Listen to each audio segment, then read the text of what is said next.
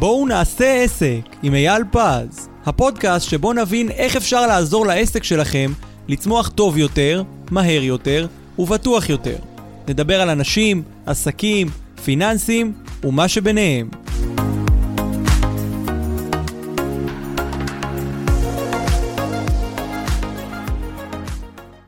שלום לכם וברוכים הבאים לפרק הראשון של הפודקאסט שלנו אה, שמדבר ככה על עסקים וכלכלה ועל איך אנחנו עושים את העסקים שלנו טובים יותר. אני אור אליעז ואיתי אייל פז, היי אייל, מה העניינים? אהלן אור. איזה כיף, אנחנו מתחילים ככה פודקאסט חדש, מרתק, הולכים לתת פה מלא מלא טיפים, מלא מלא עצות לאנשים איך לעשות את העסק שלהם הרבה הרבה יותר נכון. נכון, גם להרוויח הרבה יותר. שמח לגמרי. להיות פה. איזה כיף, אז בוא קצת נדבר עליך, אה, בן 53, גר בגני תקווה, נשוי ואב לילדים, וכבר 25 שנה אתה יועץ עסקי ופיננסי, הגעת גם מעולם הפיננסים והביטוח, שככה הבאת את הדבר הזה איתך לתוך העולם הזה של הייעוץ העסקי, ובאמת אה, התובנות והערך שאתה נותן הם, הם פשוט מדהימים. נכון, זה שאני חדש אבל זה בסדר, כן? כן, אתה חדש פה בפודקאסטים, אבל ב- בתחום גם בתחום, אתה... אני תמיד אומר שיש הרבה מה ללמוד. תמיד יש מה ללמוד בדיוק. לגמרי.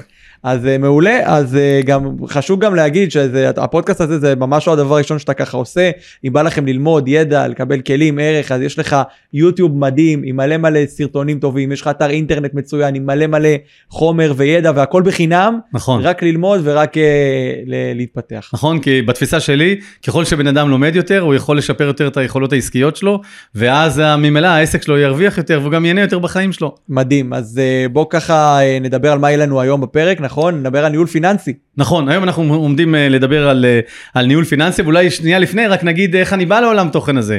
אני בא לעולם תוכן הזה, אני, אני עוסק בתחום אה, משנות ה-90, אני בא מעולם הבנקאות והביטוח, הקמתי את היחידה לייעוץ פנסיוני באחד הבנקים, אני אה, בהשכלה שלי אה, למדתי את כל התחומים הכלכליים, והרקע הכלכלי שאנחנו עומדים אה, לדבר עליו היום בתחום של ניהול פיננסי, מדבר על הדבר שתמיד שואלים אותי, איך יכול להיות שהעסק שלי מרוויח, אבל אני כבעל העסק מפסיד, איך זה יכול להיות? אז אה, תשמע, זו נקודה כואבת להרבה בעלי עסקים, כי אני, אני חושב, אתה תכף תתקן אותי ותגיד לי פה מה, אה, ואנחנו יכולים לתת הרבה טיפים וערך בנושא הזה, אבל מרגיש שלפעמים בעלי עסק אה, קצת חיים בסרט לפעמים, לגבי כל מיני דברים, לגבי התמחור, לגבי העלויות, לגבי ה- באמת הרווח האמיתי שלהם, ולא הרווח שהם אה, אה, ככה עושים את החישוב המאוד מאוד גס של הדברים. זאת אומרת, לפעמים בעלי העסק מנסים לצייר לעצמם איזו תמונה נורא ורודה לגבי, לגבי העסק שלהם ומה... ומה באמת עושים, שהיא לא תמיד אה, מחוברת למציאות. האמת זה די נכון, כי בסופו של דבר בעל העסק מנהל את העסק שלו בתחום המקצועי שלו. אם אחד יש לו אה, חברה לפודקאסטים, אור אליעז, תותח על, יפה מאוד. אז הוא מתעסק בפודקאסטים, זה המקצועיות שלו, ואם אחד הוא נגר, אז הוא מתעסק בנגרות, ואם אחד הוא אה, משרד לעורכי דין, הוא מתעסק בעריכת דין. אף אחד לא אמר לי שאני צריך להיות רואה חשבון גם בכל העסק הזה. ראית? לא צריך להתעסק בראיית חשבון, בשיווק, בניהול, יש הרבה מאוד דברים. בלנקות גם. כן, בעל עסק עושה? הרבה דברים. בדיוק. ולכן על הרקע הזה אנחנו צריכים לתת כלים לבעלי עסקים, בטח ובטח בתחום הפיננסי. כי ככל שבעל עסק יטפל וידע את התחום הפיננסי של העסק שלו, יהיה לו כלים טובים יותר לנהל את העסק. לגמרי. אז על מה אנחנו מדברים היום? היום יאללה. נדבר על uh, שלושה נושאים. הנושא הראשון זה המושגים החשובים. המושגים שהם חשובים לכל בעל עסק, איך לשפר את ההתנהלות הפיננסית. מעולה. הנושא השני זה... זה סופר חשוב, תזרים מזומנים. שמע, זה אחד הדברים הכי הכי קשים לניהול, בטח שאתה עסק חדש ואתה ככה מנסה בכלל להבין את עצמך. איך לנהל את תזרים מזומנים שלך נכון כדי לא להיכנס למינוסים ולא להיכנס לבעיות עם הבנק. נכון, הנושא של ניהול תזרים מזומנים הוא נקודה קריטית מאוד לבעלי עסקים, היום נקבל הרבה מאוד כלים על העניין הזה. ונדבר גם על הוצאות, איך אנחנו מצמצמים אותן, ואיך וואו. אנחנו מנהלים אותן נכון. בטח איזה- ובטח בתקופה איזה כזאת. פודקאסט חשוב, שמע, זה פודקאסט חובה. חובה. לכל חובה. בעל עסק הוא חובה. מלא מלא ערך תקבלו פה. אז בואו אולי נתחיל ככה מהנקודה הראשונה שלך. איזה באמת מושגים נורא נורא חשוב לנו לדעת, המושגים הבסיסיים, כדי באמת להתחיל לנהל את העסק שלנו נכון. מעולה, אז היסודות מתחילות, אה, מתחילים בשלושה דברים עיקריים. מה ההבדל בין מחזור, הכנסה ורווחיות? האמת אני שהרבה מקווה שאתה פעמים... לא שואל אותי את זה, כי אני לא בטוח. אה, אוקיי, אוקיי. זה- האמת שאני... בשביל זה אתה פה, אתה אומר. מעולה, אני תמיד שואל את זה בעלי עסקים, מה המחזור, מה ההכנסה, מה הרווחיות, ותמיד אני פוגש מולי בעל עסק שלא תמיד סגור על התשובה. אה, זה אולי כדאי שתשאל את הרואה חשבון שלי, הוא בטח יודע. כן, הוא יודע, אבל הוא לא העסק שלך, אתה העסק. ולכן שם המשחק הוא להבין מה ההבדל בין מחזור, הכנסה ורווחיות. אז מעולה. בוא נעשה סדר, במילים שלי כמובן. יאללה. מחזור זה סך כל הכספים שהגיעו לעסק. לא משנה אם זה הגיע מגיוס של אשראי של הלקוח, מהעברה בנקאית, מצ'קים או מזומן. כל הכספים שנכנסו לעסק שלנו באותו יום, באותו שבוע, באותו חודש, באותה שנה, זהו המחזור. זה סך הכספים שנשפכו לתוך הקופה העסקית שלנו. מצוין. סגרנו את הפינה? מעולה. זהו מחזור. פשוט מאוד. נכון. ועכשיו נדבר על הכנסה. יפה, עכשיו זה המשחק, עכשיו מתחיל המשחק. מהי ההכנסה? בעצם כדי לייצר הכנסה, אני צריך לעשות הוצאה. אם אני אה, נגר, אז אני צריך לקנות את המסור ועצים בשביל לייצר את אותו אה, אה, שולחן או מיטה. אם אני אה, רפלקסולוג, אז אני צריך אה, מיטת טיפולים. אם אני משרד עורכי דין, אני צריך ידע מקצועי לרכוש אותו בשביל לייצר הכנסה. כל דבר שאני צריך בשביל אה, לקנות בשביל לייצר את ההכנסה, לשלם בגין, בגין ההכנסה שאני אקבל, אז זה יורד לי בעצם מהמחזור. זאת אומרת, הכנסה זה ההכנסות שלי בניכוי ההוצאות.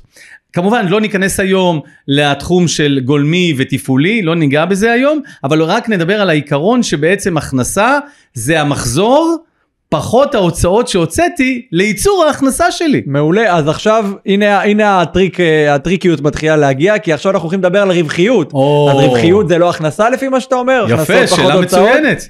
אז פה אנחנו צריכים אה, לגעת הרבה יותר לעומק בעצם ממה נובעת הרווחיות. הרי בסוף יש הוצאות שהן מוכרות לעסק, ויש הוצאות שהן לא מוכרות לעסק. לא ניכנס מה הם, מי שרוצה יכול לקרוא באתר שלי בכלל מאמר שלם על העניין הזה, אבל מה הם ההוצאות שהן מוכרות לעסק.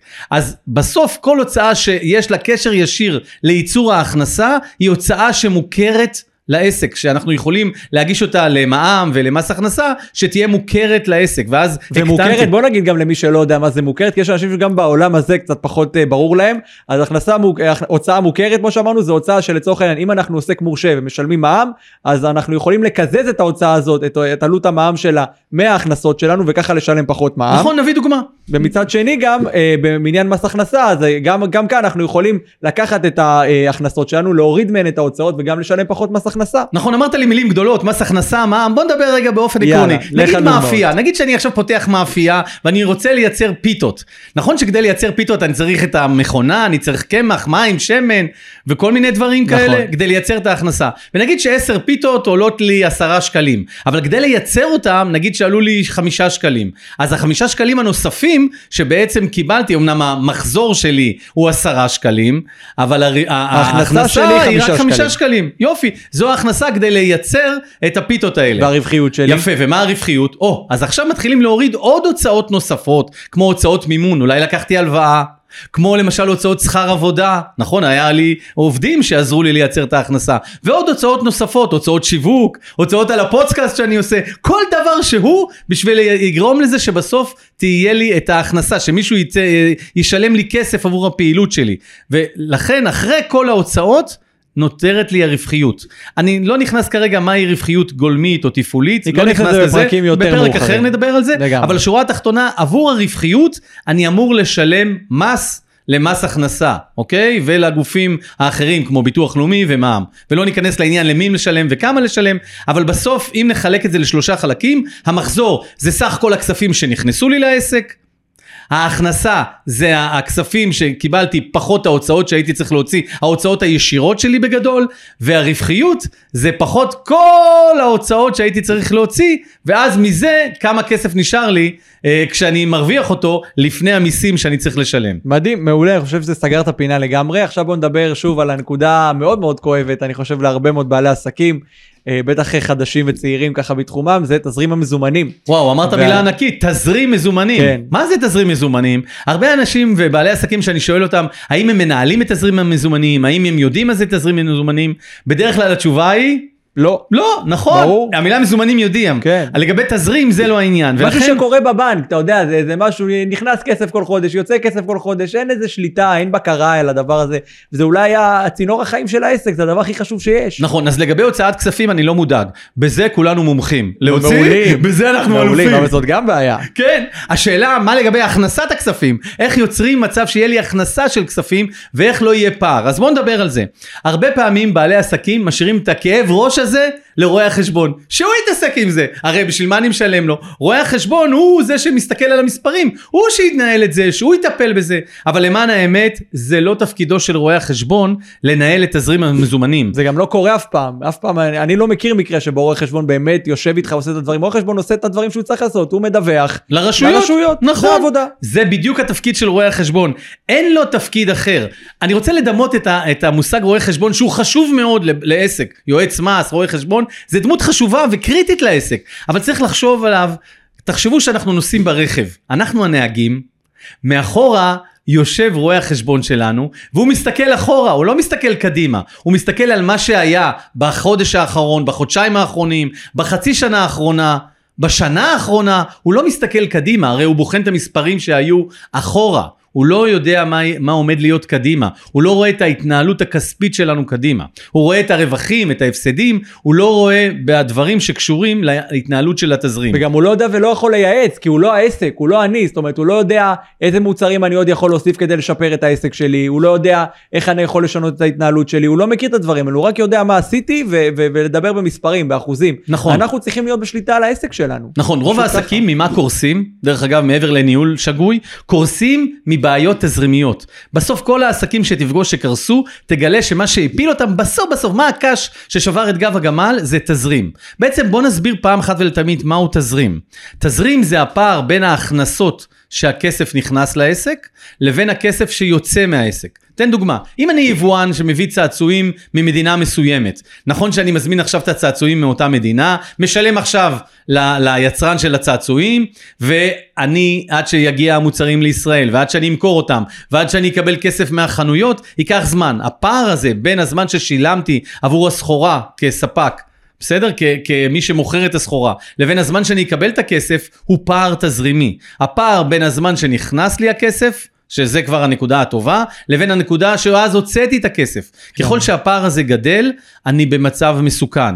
למשל, עסקים שמתפתחים, עסקים שגדלים, הם במצב הכי מסוכן, כי הם צריכים הרי, יש להם פער גדול יותר, כי העסק גדל יותר, ואז כדי לייצר יותר, או כדי למכור יותר, הם צריכים יותר כסף. זמן, יותר כסף בשביל העניין הזה.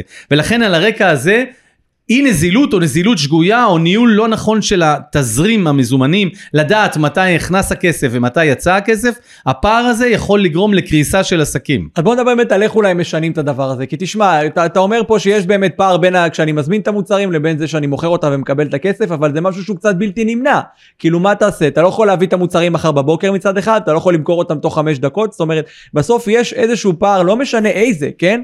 ברוב המקרים, ברוב העסקים, בין הזמן שבו מוציא, עושים את ההוצאה, קונים את השירות או יוצרים את השירות לבין הזמן שמקבלים בו כסף. אז איך אנחנו יכולים, מה אנחנו יכולים לעשות כדי לשפר את זה? נכון, קודם כל זו נקודה חשובה, זה לא רק עבור מוצרים, זה גם עבור שירותים. אם אני דבר. משרד עורכי דין, אני מעסיק עשרה שכירים אצלי בחברה, עד שבפירמה שלי, הם, אני משלם להם בסוף החודש את המשכורת, נכון? בראשון לחודש אני משלם להם משכורת. אבל עד שאני אקבל את הכסף מהלקוחות שלי ייקח זמן. אז לכן זה גם במוצרים וגם בשירותים. הדבר הראשון זה לנהל נכון את התזרים שלי. זאת אומרת, אני צריך מערכת שתאפשר לי לראות מתי יוצאים עם הכספים, באיזה תאריך בחודש וכמה כספים יוצאים, ומתי בחודש נכנסים לי הכספים וכמה.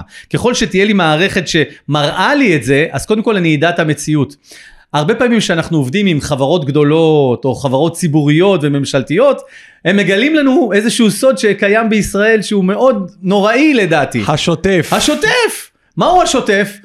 אתה, אתה תעשה את העבודה היום, אבל אני אשלם לך עבור זה בעוד 30, 60, 90 ימים. שוטף ועוד ה-30, 90, 60 ימים, זה המון זמן עד שאני אראה את הכסף, אבל את ההוצאה הוצאתי היום עבור מה שסיפקתי לך היום. והפער הזה, בהנחה שאותו עסק ששילם לא קרס, שזה גם יכול להיות, ואין לו יכולת לשלם. אני מדבר בהנחה שיש לו יכולת לשלם, הפער הזה יוצר לי בור תזרימי. וככל שאנחנו לא מנהלים את זה בצורה נכונה ולא יודעים מתי ייכנס הכסף, או לא מתמחרים את זה נכון בעלות שלנו, כשאנחנו נותנים את זה ללקוח שלנו, אנחנו יכולים להיות בבעיה. לכן צריך שיהיה לי מערכת שתדע לראות מתי אני מוציא את הכספים, לעומת מתי אני מכניס את הכספים, ומה הפער. מעולה, אז בוא נדבר באמת על איך, איך אנחנו מנהלים את זה נכון. אחד מהדברים גם החשובים שהרבה מאוד בעלי עסקים לא עושים, אה, זה הפרדת החשבונות, נכון? אי אפשר שכל העסק שלך יתנהל מאותו חשבון שאתה אה, משלם ממנו את השכר דירה או את המשכנתה ומוציא את ההוצאות האישיות שלך, אתה חייב להבין כמה כסף שלך הולך לדברים הפרטיים שלך וכמה כסף הולך לעסק. נכון,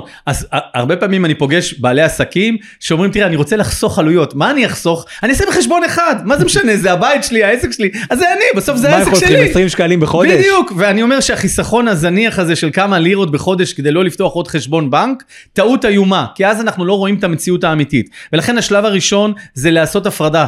הפרדה בין החשבון הפרטי לחשבון העסקי. וכשאנחנו נדע מה בדיוק ההוצאות הביתיות שלנו, מה המשכנתה בבית, מה כל ההוצאות שיש לנו בבית, לעומת ההוצאות העסקיות וההכנסות העסקיות, יהיה לנו גם קל יותר. גם נוכל להעביר כסף מהחשבון העסקי לחשבון הפרטי, כשכירים לצורך העניין. יש שליטה על ההוצאות, אתה יכול שליטה. לראות, גם, גם מה, ש, מה שעוד יפה, גם בעלי עסקים הרבה, אה, מתקשרים איתו, גם אני מתקשר איתו מדי פעם, זה לעקוב אחרי ההוצאות שלי כמו שצריך, אתה יודע, לא תמיד אני מקבל את החשבונות במייל, לפעמים אני מקבל אותם בדואר, לפעמים יש איזה קבלה של איזה משהו של, שלקחתי נכון. וצילמתי ולא צחקתי, אז כשאתה משלם בכרטיס אשראי אחד ואתה רואה את הרשימה של כל ההוצאות שלך, אז הרבה יותר קל לך לעקוב אחרי זה. ואז כשאתה עוקב, יש לך מידע, והמידע הזה הוא קריטי לעניין ניהול. לגמרי. והדבר השני, אחרי שהפרדנו בין החשבון בנק הפרטי לחשבון העסקי, הדבר השני הוא בעצם בסופו של דבר שאנחנו רוצים להבין את זה, אנחנו צריכים להיערך פיננסית. זאת אומרת, נניח שזיהינו שיש לנו פער בין הזמן שאנחנו מוציאים את הכסף לזמן שאנחנו אה, אה, נקבל את הכסף. אולי רכשנו מכונה נוספת,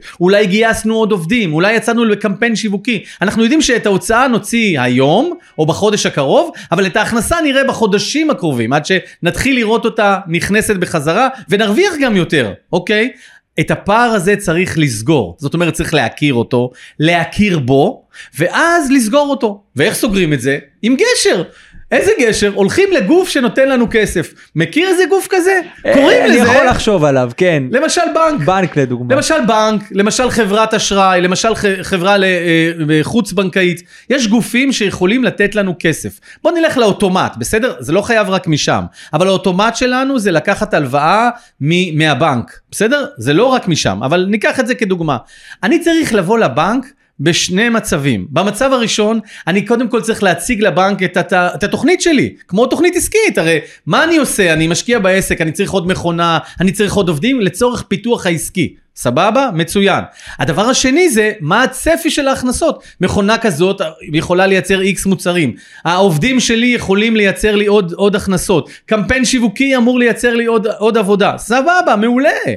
הדבר הנוסף זה להגיד לבנק כמה כסף אני צריך. ותוך כמה זמן אני צופה שאני אתחיל להחזיר ולייצר הכנסות מה, מה, מהכסף, מהעלות הנוספת שביקשתי ממנו. ככה אני סוגר את הפער התזרימי.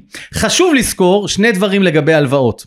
הדבר הראשון, שבנק נותן לי כסף רק כשאני לא צריך. תראה איזה קסם. לגמרי. קסם. כשאתה לא צריך, הבנק מסכים לתת לך. כי אם אתה כבר לא ממש רק מסכים, צריך... הוא פונה אליך, מתקשר, אתה רוצה הלוואה? וואלה, זה גם נכון. יפה. הרי למי שלא צריך מציעים, ומי שצריך, גם אם הוא מבקש, לא תמיד נותנים. בדיוק, וגם וגם- אם נותנים, תלוי באיזה תנאים, בדרך כלל נוראית, פחות, נכון? לגמרי. ריבית, שזה עלות הכסף, כן. אוקיי? אני חושב- אז... אני חושב שבסוף גם מה שחשוב ל- ל- לזכור פה זה שהלוואה זה מוצר. נכון. וכמו כמו כל מוצר, סחורה. יש מחיר. נכון. ואתה יכול לבדוק, ובאמת יש הרבה גופים, גם חוץ בנקאיים היום שנכנסו לשוק ולמשחק, שאפשר אצלם גם לבדוק את המחירים של ההלוואות, אולי לקבל ריביות יותר טובות. נכון, אז בוא נדבר על הריביות היותר טובות, ואחרי זה נסביר באופן כולל על הלוואה. קודם כל נבין מהי ריבית. ריבית הוא מחיר הכסף. הרי אם מישהו שוכר דירה, זה נכון שהשכירות של הדירה עולה לו 5,000, 6,000, 7,000 שקל, ואולי יותר? עכשיו זה ברור שאם אני שוכר דירה אני צריך לשלם כסף? זה אין שאלה. אותו דבר, אם אני שוכר כסף מהבנק, לקחתי 500,000 שקלים מהבנק, מצוין, אני צריך לשלם לו על זה, חוץ מההחזר של ה-500, אני צריך לתת לו, שכרתי ממנו כסף, אני צריך לתת לו על זה משהו, נכון. את השכירות, אז ריבית הוא הגובה של השכירות שלי. אז זו הנקודה הראשונה, ולכן אני יכול לעשות marketing בין הבנקים השונים, בין הגופים השונים, לבדוק מה אני יכול ומאיפה. דרך אגב, לא תמיד אני חייב מהבנק, לפעמים יש לנו קופות שמהם אנחנו יכולים לקחת הלוואה, קופות הגמל שלנו, קרנות ההשתלמות שלנו וכולי, שאנחנו גם מהם יכולים לקחת הלוואה, ובדרך כלל בתנאים. הרבה יותר טובים, לגמרי. נכון. אז זה עוד נקודה שאפשר אה, לבחון אותה. הנקודה השנייה לגבי עולם של, של הלוואות, זה שאני רוצה לספר סיפור קטן. ואם ניקח את הסיפור הזה, זה אולי יעזור לנו להבין מתי להשתמש בהלוואה, ואיך להשתמש בה. כי הלוואה, אתה יודע, היא עובדת לשני הכיוונים. היא מצד אחד יכולה מאוד למנף אותנו ולקדם אותנו קדימה, אבל אם לא השתמשנו בה בחוכמה, והשתמשנו בה רק לכיבוי שריפות ולא לקידום העסק שלנו, זה מאוד מסוכן. אז בוא נביא סיפור קצר. יאללה. איש אחד הולך בדרך, ובאמצע השביל פתאום הוא רואה איזה פתק וכתוב, אם תחפור כאן עשרה סנטימטר תמצא 100 שקל. מצוין, הוא חופר, וואלה, מוצא 100 שקל, ופתק. אם תחפור עוד חצי מטר, תמצא אה, אה, כסף, תמצא אלף שקלים. אז הוא חופר ומוצא אלף שקלים ופתק. אם תחפור עוד חצי מטר, תמצא עשרת אלפים שקל. הוא חופר וחופר, וואלה, כבר מטר עמוק, ויאללה, עשרת אלפים שקל, ופתק! אם תחפור עוד מטר, תמצא מאה אלף שקל. חופר וחופר וחופר, שני מטרים כבר לעומק, וואלה, מאה אלף שקל, ופתק! אם תחפור עוד מטר, תמצא עוד 200 אלף. איפה הבור הזה? הוא תגיד לי. חופר וחופר וחופר, הגיע כבר שלושה מטרים, ופתק, מוצאת עוד 200 אלף, ופתק. אם תחפור עוד מטר, תמצא חצי מיליון. הוא חופר וחופר וחופר עם הציפורניים.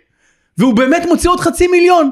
ועכשיו, יש לו 800 אלף שקל, אבל הוא תקוע בבור של 4 מטרים. יפה. איך יוצאים מזה? יפה מאוד. לגמרי, לגמרי. אז הרבה אנשים לוקחים הלוואות ועוד הלוואות ולפעמים מציעים להם ולפעמים לכסות עוד משהו ולעשות עוד משהו ולא רואים שהם נכנסים לבור יותר עמוק ויותר עמוק ואז איך יוצאים מזה. אז החוכמה לא להיזכר כשאנחנו עמוק בבור לחשוב איך יוצאים מזה. אז בדרך כלל אנחנו ממש נזכרים, אבל אז מאוד קשה לצאת מהבור הזה. ואני אומר, למה להיכנס לבור? רגע, רגע, רגע, בואו נבחן אם אנחנו באמת צריכים הלוואה, מה מטרתה של ההלוואה, לנהל נכון את ההלוואה, ללכת ליועץ פיננסי שיודע לנתח נכון את ההסתכלות הכוללת על העסק, ולראות מה הצרכים של העסק, מה הפיתוח העסקי בעסק, ולראות תוך כמה זמן אפשר להחזיר. הנושא של הריבית דווקא בחלק הזה הוא הפחות חשוב. כי יותר חשוב זה איך אני מחזיר את הקרן גם אם לא הייתה ריבית. נתנו לי את הכסף מתנה ללא ריבית. רק תחזיר את, ה, את ההלוואה את, המ, את המקור. אוקיי איך אני אחזיר? ולכן צריך לדעת שהלוואה זה דבר מאוד חשוב לעסק. רק צריך לדעת שאפשר לקחת אותו כשאני לא צריך אותו והדבר השני, לנהל נכון את התהליך של ההלוואה, כדי שאני אדע איך אני אוכל להחזיר. עבור מה ההלוואה?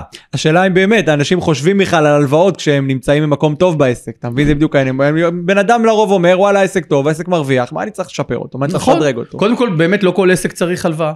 יש עסקים שהם מאוד רווחיים, והם לא צריכים הלוואות.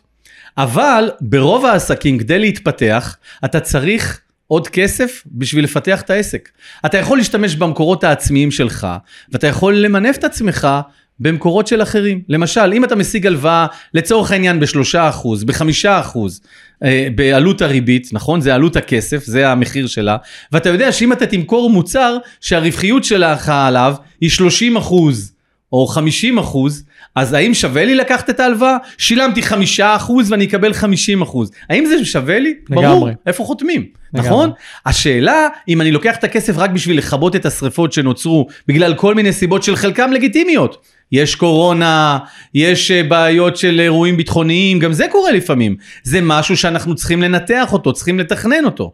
אבל אם אני עושה את זה לצורך הפיתוח העסקי של העסק, יש צעד חכם בלקחת הלוואה. לגמרי בוא נדבר גם על אה, עוד משהו חשוב לא רק עם לקחת כסף אלא גם על להוציא כסף. כן. נדבר קצת על הוצאות. או, אז פה יש הרבה מאוד דברים שאנחנו יכולים לשים אליהם לב כל מיני טיפים כאלה קטנים נחמדים שאנחנו יכולים לשים אליהם לב ולא רק לצמצם אלא גם לעשות את מה שאנחנו באמת צריכים את ההוצאות החשובות באמת. או, אז זה משהו ענק, העניין של איך, איך אנחנו יכולים לצמצם את ההוצאות שלנו. אני חושב שההוצאות, אני רוצה לחלק אותן לשני חלקים. החלק הראשון, הוצאות שכרגע הן לא קיימות, אבל הסיכון שבהם אם הם יקרו, הם סיכון עצום, שעוד שנייה נדבר עליו, שאנחנו לא יכולים להתמודד מול זה, ולכן אנחנו חייבים להיות מוגנים, ואיך נהיה מוגנים? אנחנו, על ידי זה שנתכנן את זה. והדבר השני זה הוצאות שאנחנו מוציאים אותן כל חודש ואנחנו לא שמים לב. אז בואו נתחיל מהחלק הפשוט, דווקא החלק הקטן, אבל הוא חשוב כי הוא קורה כל הזמן. אז יש הרבה מאוד הוצאות שאנחנו כל הזמן מוציאים ואנחנו לא שמים לב. להרבה אנשים יש כפל בביטוח. כפל בביטוח הבריאות, כפל בביטוח אובדן כושר העבודה, כפל בביטוח חיים, כפל בכל מיני מוצרים ביטוחיים. בבריאות אפילו אתה יודע יש לפעמים את הביטוחים המשלימים של, של קופת החולים שלפעמים היא, הם חופ, היא חופפת או בהרבה מאוד מקרים כמעט אותו דבר כמו ביטוח בריאות פרטי. נכון, ואז מה? הרי אם יקרה משהו, בהרבה מקרים לא נקבל כפול.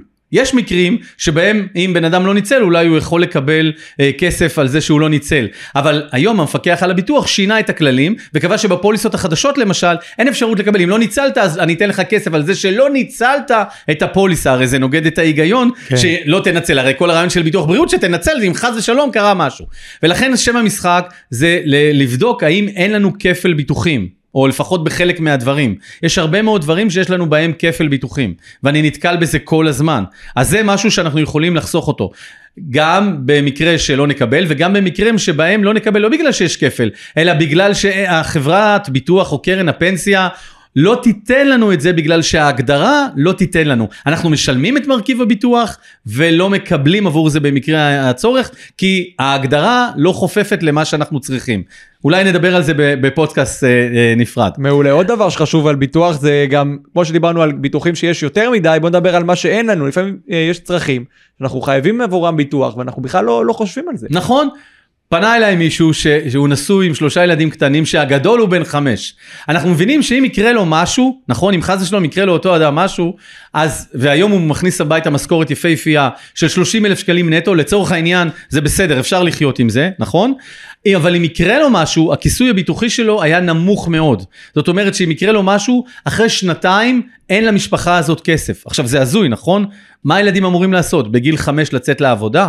מה הם אמורים לעשות? זאת אומרת, אם חס ושלום קורה האסון, לפחות שלא יקרה האסון הכלכלי. ולכן שם המשחק זה להתגונן כלכלית מפני אירועים שאנחנו לא יכולים להתמודד מולם. אירוע כלכלי כזה, כמו חוסר בכיסוי למקרה פטירה, חוסר בכיסוי למצב אה, אה, של נכות או אובדן כושר עבודה, חוסר בכיסוי לתרופות שלא בסל הבריאות, חוסר בכיסוי למצב של השתלות, אלה אירועים שהסבירות שיקרו נמוכה, זה נכון.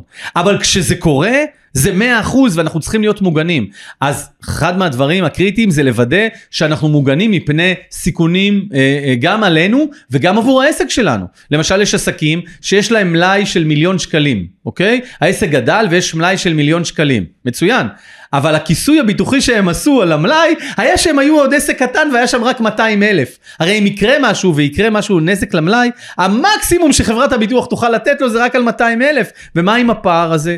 או למשל שהוא למקום והוא לא עשה כיסוי נגד אה, שריפה, או נגד גניבה, או נגד מים, whatever. אז אחת לתקופה צריך להיפגש עם איש המקצוע, לוודא שאנחנו מכוסים, גם אנחנו וגם העסק, באופן נכון וטוב עבורנו. מעולה, בוא נדבר גם אה, לא רק על ביטוחים, אלא גם על קצת אה, הלוואות וריביות שכבר נגענו בדבר הזה. זאת אומרת, הזמנים משתנים, כל הזמן דברים משתנים, מתווספים, לפעמים הריביות יורדות. לפעמים כל דבר כזה יכול להשתנות. בוא נדבר גם על החשיבות של למחזר קצת את ההלוואות, או לבדוק מה המצב שלנו בבנקים ואיך אפשר לשפר אותו. נכון מאוד, העניין של ריביות, דיברנו על זה, זה עלות הכסף. כן. הרבה פעמים אנחנו לוקחים הלוואה במקום מסוים, כשהיינו בתנאים מסוימים, ולפעמים התנאים במשק השתנו, התנאים העסקיים שלנו השתנו. נכון, פתאום אני מרוויח הרבה, והפרופיל שלי מול הבנק הרבה יותר השתפר, טוב. השתפר, כן, נכון. אני יכול לקבל ריביות יותר טובות, כי יש יותר סיכוי שאני אחזיר. מצוין, בגלל שהבנק רואה בך מישהו שרמת דירוג האשראי שלו טובה יותר, ולכן אחת לתקופה אנחנו צריכים לבחון האם גובה הריבית שאנחנו משלמים היום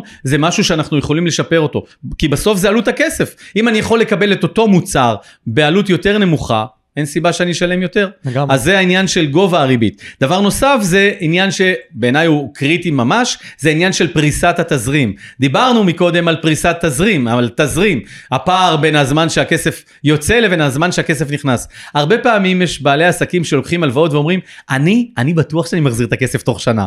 זה בסדר שאתה בטוח מתוק שלי, אבל מה לעשות שהחיים כמו החיים, החיים לא עובדים באקסל, ולא תמיד זה קורה. ולכן אני תמיד ממליץ זה שמה שאתה חושב, תמיד תכפיל אותו בשלוש. כי תמיד יש הפתעות, כמו שקוראים לזה בלת"מים, הבלתי מתוכנן. למה? אם תדע שאתה לוקח הלוואה במקום לשנה, תיקח אותה לשלוש שנים, גם תזרימית או לחמש שנים, גם תזרימית יהיה לך קל יותר, כי הפרוסות הן יותר קטנות. וגם אם יהיה לך כסף, בסדר, בוא נחזיר אותו. אבל אם יקרה משהו, מכל סיבה שהיא, איזשהו אירוע שיגרום לזה שלא תוכל להחזיר את הכסף בזמן, לא תעמוד מול שוקת שבורה, לא תקרוס. לא תקרוס גם כלכלית וגם מצד השני, הבנק לא יבוא אליך בטענות, היי, לא החזרת לי את הכסף בזמן, הבטחת לי שנה ולא עמדת בזה. ככל שאנחנו עומדים במה שאמרנו, הבנק רואה בנו אה, גוף שהוא אמין ולאורך זמן אנחנו יכולים להמשיך לקבל ממנו עוד סחורה. ואמרנו, מה הסחורה של הבנק? כסף. כסף! ותמיד עסק, מה הצורך של כל עסק? זה כסף. לגמרי. בוא נדבר גם קצת על הוצאות, נכון? גם על זה נגענו לא מעט בפרק הזה. נכון. אז אנחנו רוצים אה, באיזשהו מקום גם לצמצם הוצאות גבוהות שיש לנו, ובמקומם להחליף אותם בהוצאות משתנות, נכון? נכון. בהוצאות שאנחנו יכולים לשלוט בהן יותר טוב. נכון. אז בעסק, כמו בחיים, יש לנו הוצאות שהן הוצאות קבועות. זאת אומרת, אם אני אה, משלם משכנתה על הדירה, אז ברור שאני אשלם אותה כל חודש, כי אני גר בדירה, אני לא מחליף דירה כל חודש. אבל יכול להיות שאני יכול להקטין את ההוצאות הקבועות שלי ולהפוך אותם או לשנות אותם להוצאות משתנות. זאת אומרת, האם יש אה, מוצרים או שירותים שאני צורך, שאולי במקום לעשות את זה באופן קבוע, אני יכול לעשות את זה באופן משתנה. למשל, האם אני עסק? האם אני תמיד חייב להחזיק עובדים? האם הם ב-100% עבודה אה, מלאה? האם כל החודש שלי מלא בזמן העבודה שלהם, או שאולי אני יכול לקחת בחלק מהעבודה הנוספת שאני צריך, אולי לא עובד שכיר שלי, אולי אני יכול לקחת מישהו שהוא פרילנסר, או קבלן משנה, או ספק שלי, דוגמה אחת. דוגמה נוספת זה במוצרים או השירותים שאני צורך. האם אני אה, עושה הסכם על משהו קבוע, רב שנתי, שאולי זה מוזיל לי את העלות, אבל מחייב אותי להוצאה קבועה, לעומת הוצאה משתנה, שאולי אני משלם קצת יותר עבור כל מוצר, או עבור כל שירות שאני צורך, אבל אני משלם רק עבור הצריכה בפועל. ולא על הבזבוז. תמיד מדברים על בזבוז של מזון. זוכר? 30% מהמזון שנרכש בארץ ובעולם הולך לפח. הזוי, גם מבחינה כספית וגם מבחינת הקיימות שאנחנו צורכים מכדור הארץ ומוצאים ממנו את כל הכוח בלי, לה, בלי לשמור את האנרגיה שלו. ולכן שם המשחק זה לראות מה הצריכה בפועל שלי. להפוך את ההוצאות הקבועות עד כמה שאפשר להוצאות משתנות. בנוסף לזה צריך לזכור שאנחנו יכולים למשל את אחד המשכנ... ההלוואות הכי גדולות שלנו שזה משכנתה, גם אותה אני יכול אולי למחזר מחדש, גם בגובה הריבית, גם בפריסת התשלומים שלי, גם ביכולת שלי לקחת הלוואה גדולה יותר אולי דרך המשכנתה. גם זה חלק מהשיקולים שבעל עסק צריך אה, לבחון כשהוא בא אה, אה, להסתכל איך נכון לנהל את העסק שלו. ולסיכום, גם בסוף, גם ההוצאות הקטנות בסוף מסתברות להרבה כסף, זה אותם עמלות שאנחנו משלמים לבנק. דמי ניהול, דמי העברה, אם אני רוצה להעביר כספים לעובדים, העברת כספים לספקים, בסוף כל פעולה כזאת עולה הרבה מאוד כסף. ואם אני עושה marketing מול הבנקים, מול הבנק שלי, אה, במסלולים שלו, מול בנק אחר, ובוחן האם אני יכול להוזיל את העלויות שלי. כי בסוף הרוב זה, תכל'ס זה משהו דיגיטלי, לא? אז למה צריך לשלם על זה כל כך הרבה? לגמרי. ובסוף שקל לשקל מצטבר להרבה מאוד כסף. לגמרי. אז אני חושב שהיה לנו פרק מאוד מאוד מעניין, פרק ראשון, אה, עם הרבה מאוד טיפים ועזרה ככה לנהל את הצד הפיננסי בעסק, קצת שלפעמים ככה אנשים לא פחות מבינים אותו נכון ולא פחות אה, עושים אותו, והוא כל כך כל כך חשוב, כל כך קריטי לניהול של העסק. אה, אייל פז, המון המון תודה לך. מעולה, תודה רבה. אני רק מזכיר שכל מי שרוצה להעמיק יותר, באתר שלי וגם בערוץ היוטיוב שלי יש סרטונים סרטונים שמסבירים בדיוק על הנקודה הזאת ומפרטים יותר למי שרוצה להעמיק ולקדם את העסק שלו למקום הרבה יותר רווחי. מעולה, נשים גם כמובן בתיאור הפרק את כל הסרטונים שרלוונטיים אה, לשיחה שלנו היום. אז אה, שוב תודה אייל ונתראה בפרקים הבאים. תודה, תודה. יאללה ביי. ביי ביי. בואו נעשה עסק עם אייל פז, הפודקאסט שבו נבין איך אפשר לעזור לעסק שלכם לצמוח טוב יותר, מהר יותר ובטוח יותר. נדבר על אנשים, עסקים, פיננסים ומה שביניהם.